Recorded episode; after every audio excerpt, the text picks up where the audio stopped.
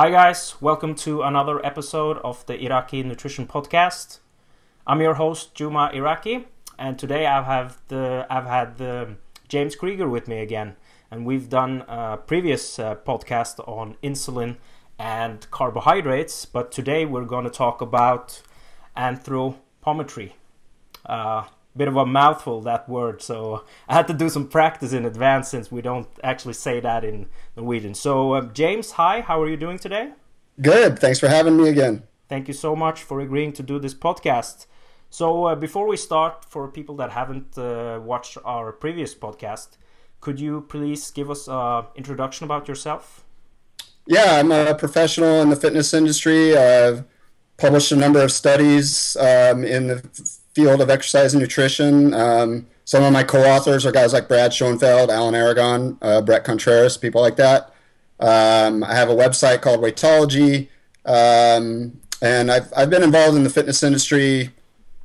Wow, since since the '90s, uh, I have a master's degree in nutrition and then a second master's degree in exercise science. So, um, so yeah, I've been involved uh, in the industry quite a while now. Excellent. And you've, you've competed yourself? Yeah, I competed in a men's physique show last year, so not sure if I'll do it again, but it was it was a nice experience to do it. So interesting. And uh, I've heard some rumors that uh, you consumed a lot of uh, Greek yogurt and whey protein during your pre-contest diet. Yeah, yeah, yeah. yeah consumed a lot of that stuff, and uh, despite all the insulin released from those foods, I still got pretty lean. So uh, yeah, exactly. So, um, so today's topic is, like I said, uh, anthropometry, and I know you have a, a, a great article series on this topic that I highly recommend people check out on your website. So I'll put it in the um, description below. Um, some information for you guys. This podcast is available on YouTube, but if you prefer to listen to it, you can find it on iTunes as well. So, uh, James, first question is could you please describe what um, anthropometry is and what are the most common methods that we use when we're looking at uh, body composition? Yeah, so yeah, it's just I mean it, it, they're just tests to estimate your what your body composition is, uh, and there's quite a few of them. Uh, bioelectrical impedance or BIA is one. It's one of the more common ones. I think that uh, um, people use. You know, for example, there's the Tanita scales. those are an example of BIA. Uh, hydrostatic weighing or underwater weighing is another technique. Uh, dual energy X-ray absorptiometry or DEXA um, is another one that's becoming increasingly popular, although it's a bit more expensive to do. But uh, um, but if you can find a place that has DEXA, you can use you can often have a body composition uh, done there. Um, you can also just get skin folds and, and have an estimate that way.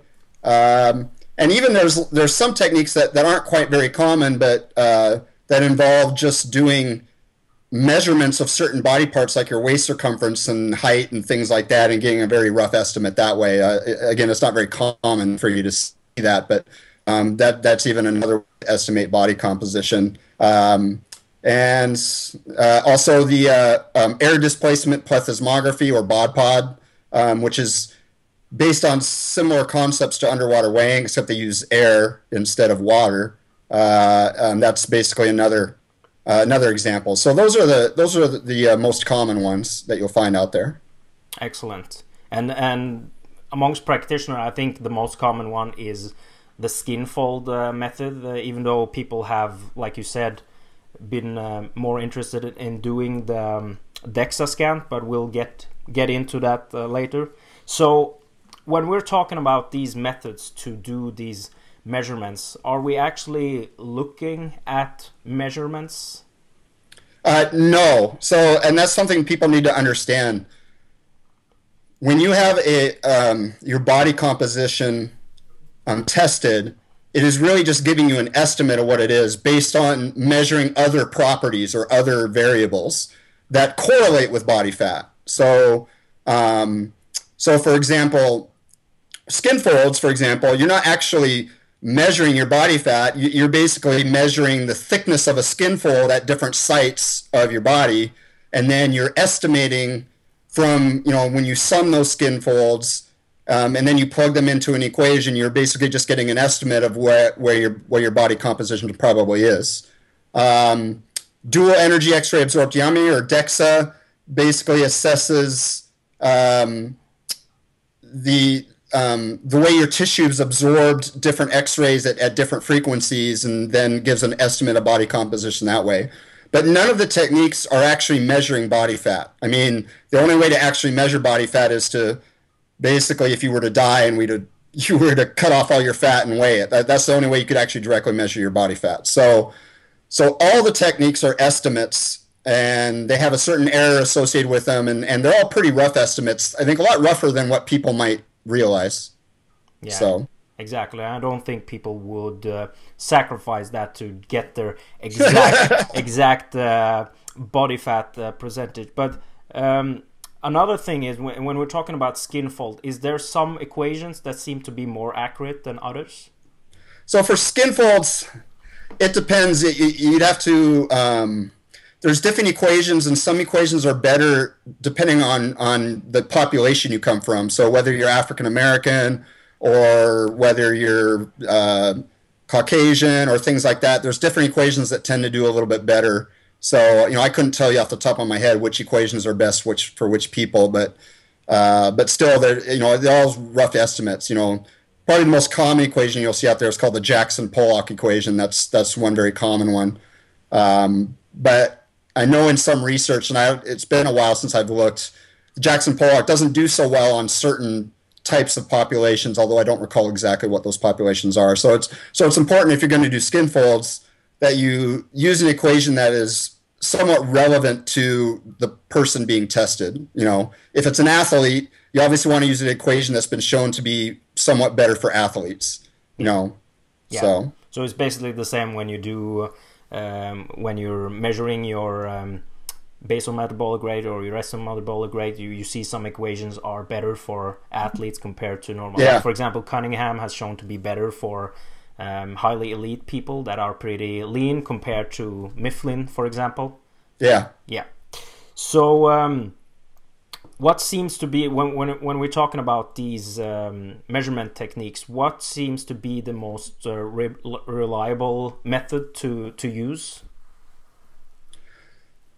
So it, it depends on whether you're um, number one whether you're talking about individual people or group data. Most of the techniques are, are reasonably good for group data. You know, and you, you, when you look at scientific studies, that they're looking at groups of people, right? And so the errors in the individuals tend to kind of cancel each other out for the for the most part. I mean, there's still error there, but but it tends to minim it tends to reduce the error when you when you look at groups. Now, if you're looking at individuals, then the errors get a lot bigger, and the techniques vary in in terms of their the accuracy of their estimates um, on an individual basis. I will say the worst on an individual basis is probably bioelectrical impedance or BIA. Um, that's by far the worst. Um, the best, um, and it also depends, when I say the best, it depends on the best for looking at a snapshot in time or the best for tracking changes over time. Because some techniques are, are, aren't too bad for looking at a snapshot in time, but they don't do so well if you're trying to chat, track change over time in the same person. Um, I would say um, underwater weighing or hydrostatic weighing still does pretty well on an individual basis, um, and also for tracking change over the time. DEXA isn't too bad either. Um, I think the error rates between DEXA and hydrostatic weighing are, are somewhat similar, um, and uh, and actually skin folds aren't too bad um, if you have if you make sure you have the same person doing the skin folds um, under the same conditions over time. Skin folds are actually they, they, they, do they're not that great in terms of the accuracy of the actual number, but as far as for estimating the change over time, they actually they, they, they do they, they aren't too bad really. So um, that's why I say with skin folds, you know, I wouldn't even worry about what the projected body fat percentage is just look at hey are, are the are the are the the skin fold measurements going down i mean that's really all you got to care about right yeah. and you know it's the number of millimeters going down then you know you're losing fat So Yeah. um, you don't really need to worry about what the estimated per- body fat percentage is because that's going to be likely off anyway. Yeah, exactly. So, and I so think, yeah, so I'd say for tracking change over time, skin folds, DEXA, Hydro are probably going to be your three best. You know, they're all, they're probably all going to have somewhat similar error rates. I would say, um, and I just want people to keep in mind the error rates are, are bigger than what you might think. I mean, on an individual basis, you're talking. If it tests you at 10%, you could be as low as 7 or as high as 13, you know. So there's a pretty big big range there. Yeah. So, But what about cost prices? Like, for example, uh, skin folds, you buy it once and you don't really have any expenses on it uh, later on. Yeah. But uh, what about um, hydrostatic weighing and if you want to do the um, DEXA scan, what are we talking about in prices? well, I, I know in, in uh, I know here, I you know I don't know what it might be in Norway, but I know here in the United States in U.S. dollars, if I want to have a DEXA scan done, it, it'll run me probably a good hundred to 150 dollars to have a DEXA scan done. Um, if I want to get hydrostatic weighing done, um, there's actually a kind of a mobile truck that goes around to different gyms in my city, and um, he charges around, I think, around forty dollars for to be to be underwater weighed. Oh, really? Um, so so yeah, so I'd say underwater weighing, yeah, you're probably looking at forty to fifty dollars in U.S. dollars, and then, um, but yeah, things like skin folds, yeah, you, you get the calipers once, and you know it's just a one-time cost. Same th- same thing. Now with bioelectrical impedance is kind of similar. I mean, a lot of people might buy a, a Tanita scale or something like that, and they'll you you know you stand on the scale that way, so that's pretty cheap too. Um, I don't know how much a Tanita scale costs because I've never owned one, but yeah. um, you know that's that's another example. So Yeah, I think the the prices here in Norway. I don't know what it is for um, hy- hydrostatic weighing, but if uh, if um, if you're looking for a DEXA, you could probably get it around. Let's see, converted into dollars, probably around seventy to one hundred and twenty dollars, based on where Yeah. you take it, something like that. So it's it's not expensive, but it's not cheap either. yeah, So, so but when when we're talking about, uh, you mentioned getting the same person if you're going to do skin fold measurements to do get the same person to do um, to do it each time because I don't think people actually realize that how much the numbers can actually change if you just move where you uh, Yeah. measured just a couple of centimeters.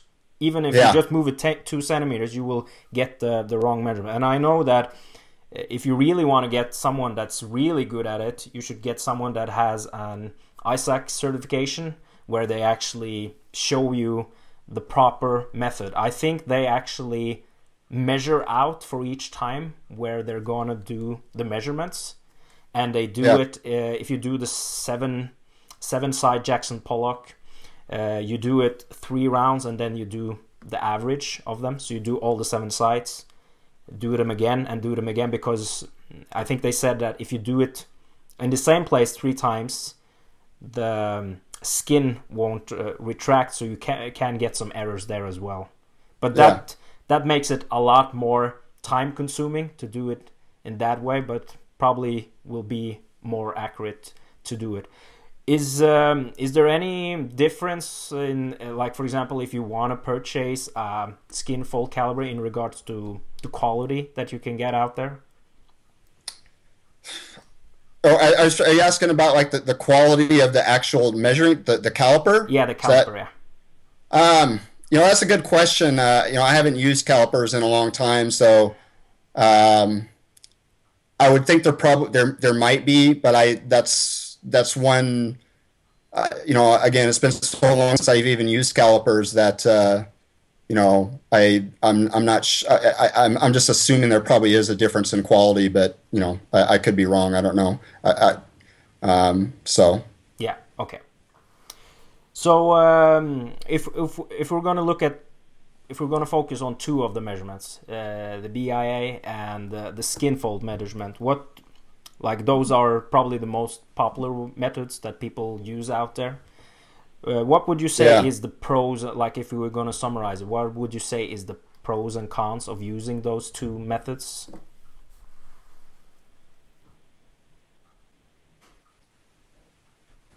Uh, well, for BIA, those are the convenience. I mean, all you got to do is step on a scale or hold a, a, device, and you plug in some numbers, and it gives and it spits out the number, and it's super quick and it's easy.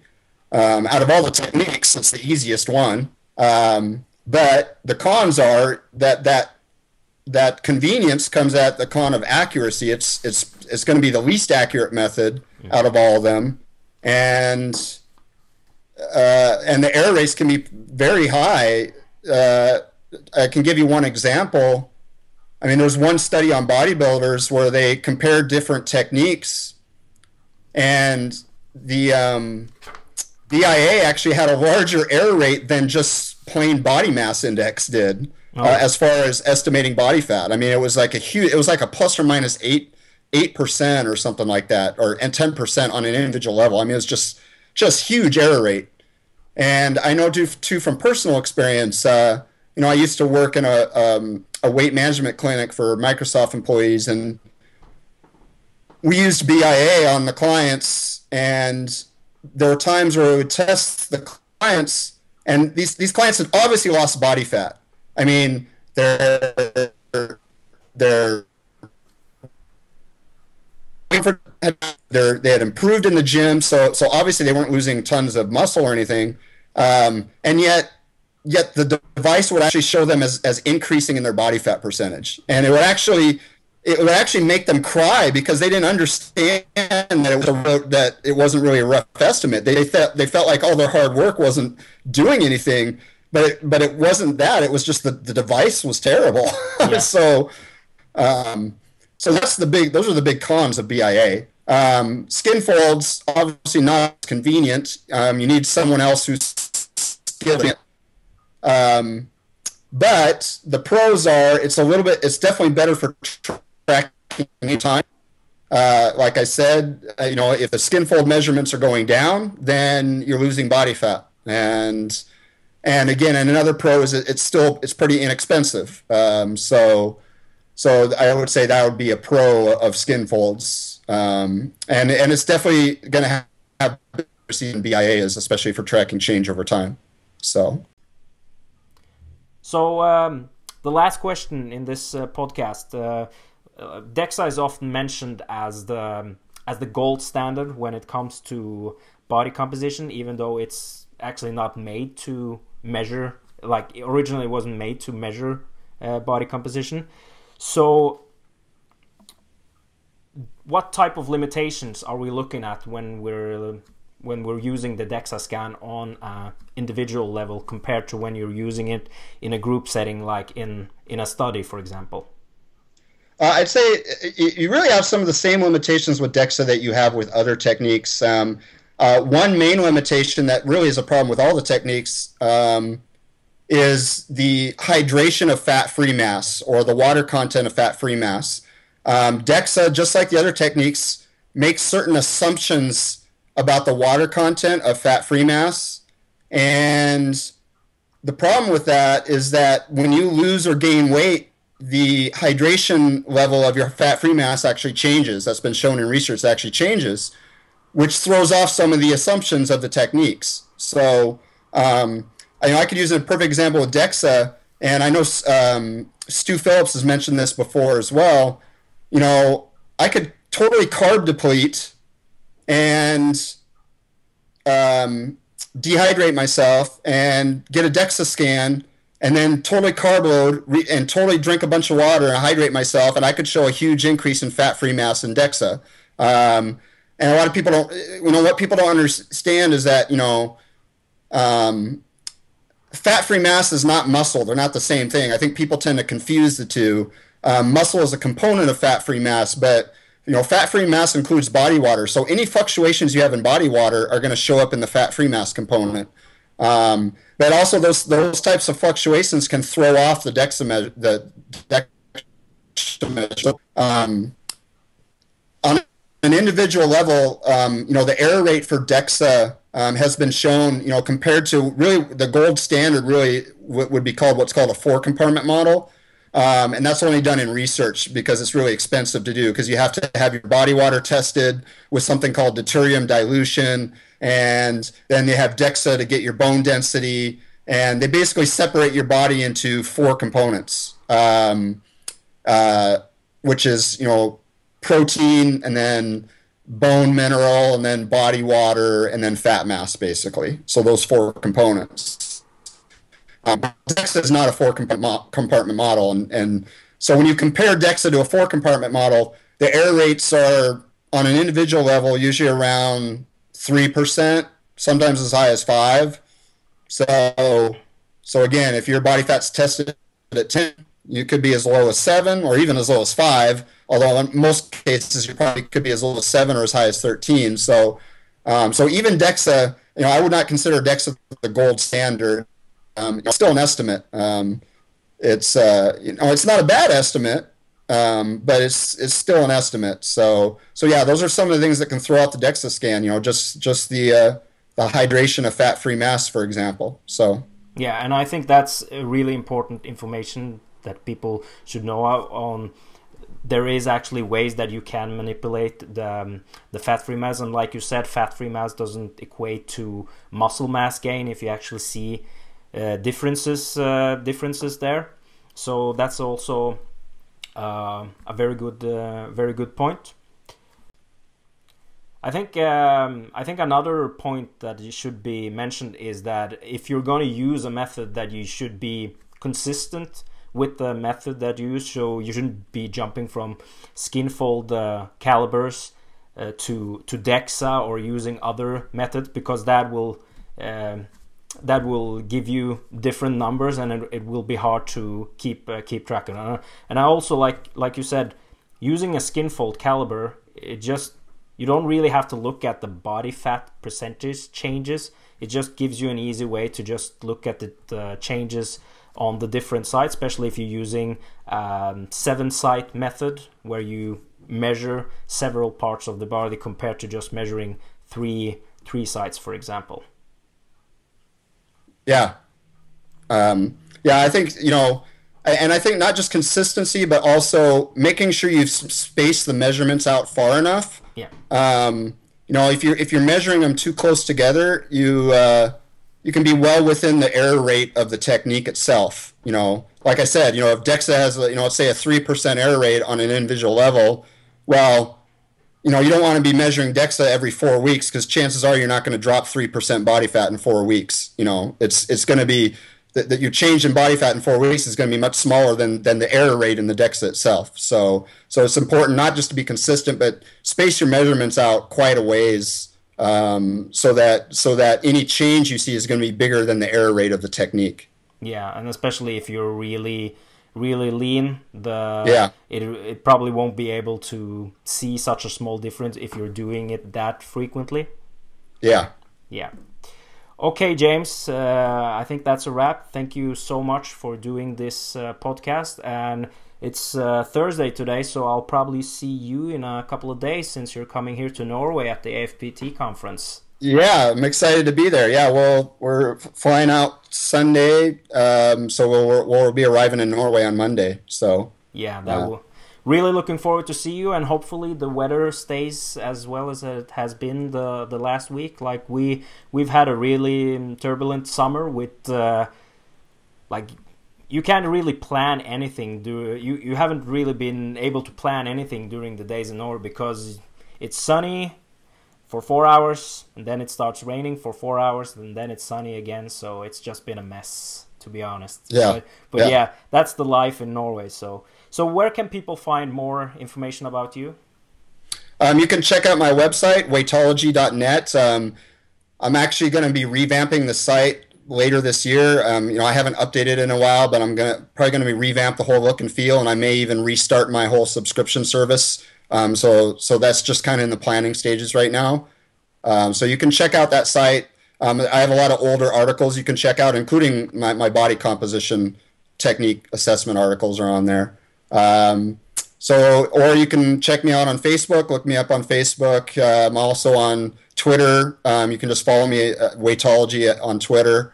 Uh, so yeah, I, um, and I'm, also on Instagram as well. Uh, although I'm not there, I don't post to that as, as frequently. So so yeah, there's a lot of different ways you can find me, um, and uh, and we'll be coming out with more more research studies. Uh, uh, you know, Brad and I and, and others, we have more more stuff in review and more more work planned. So so be on the lookout for more publications from from.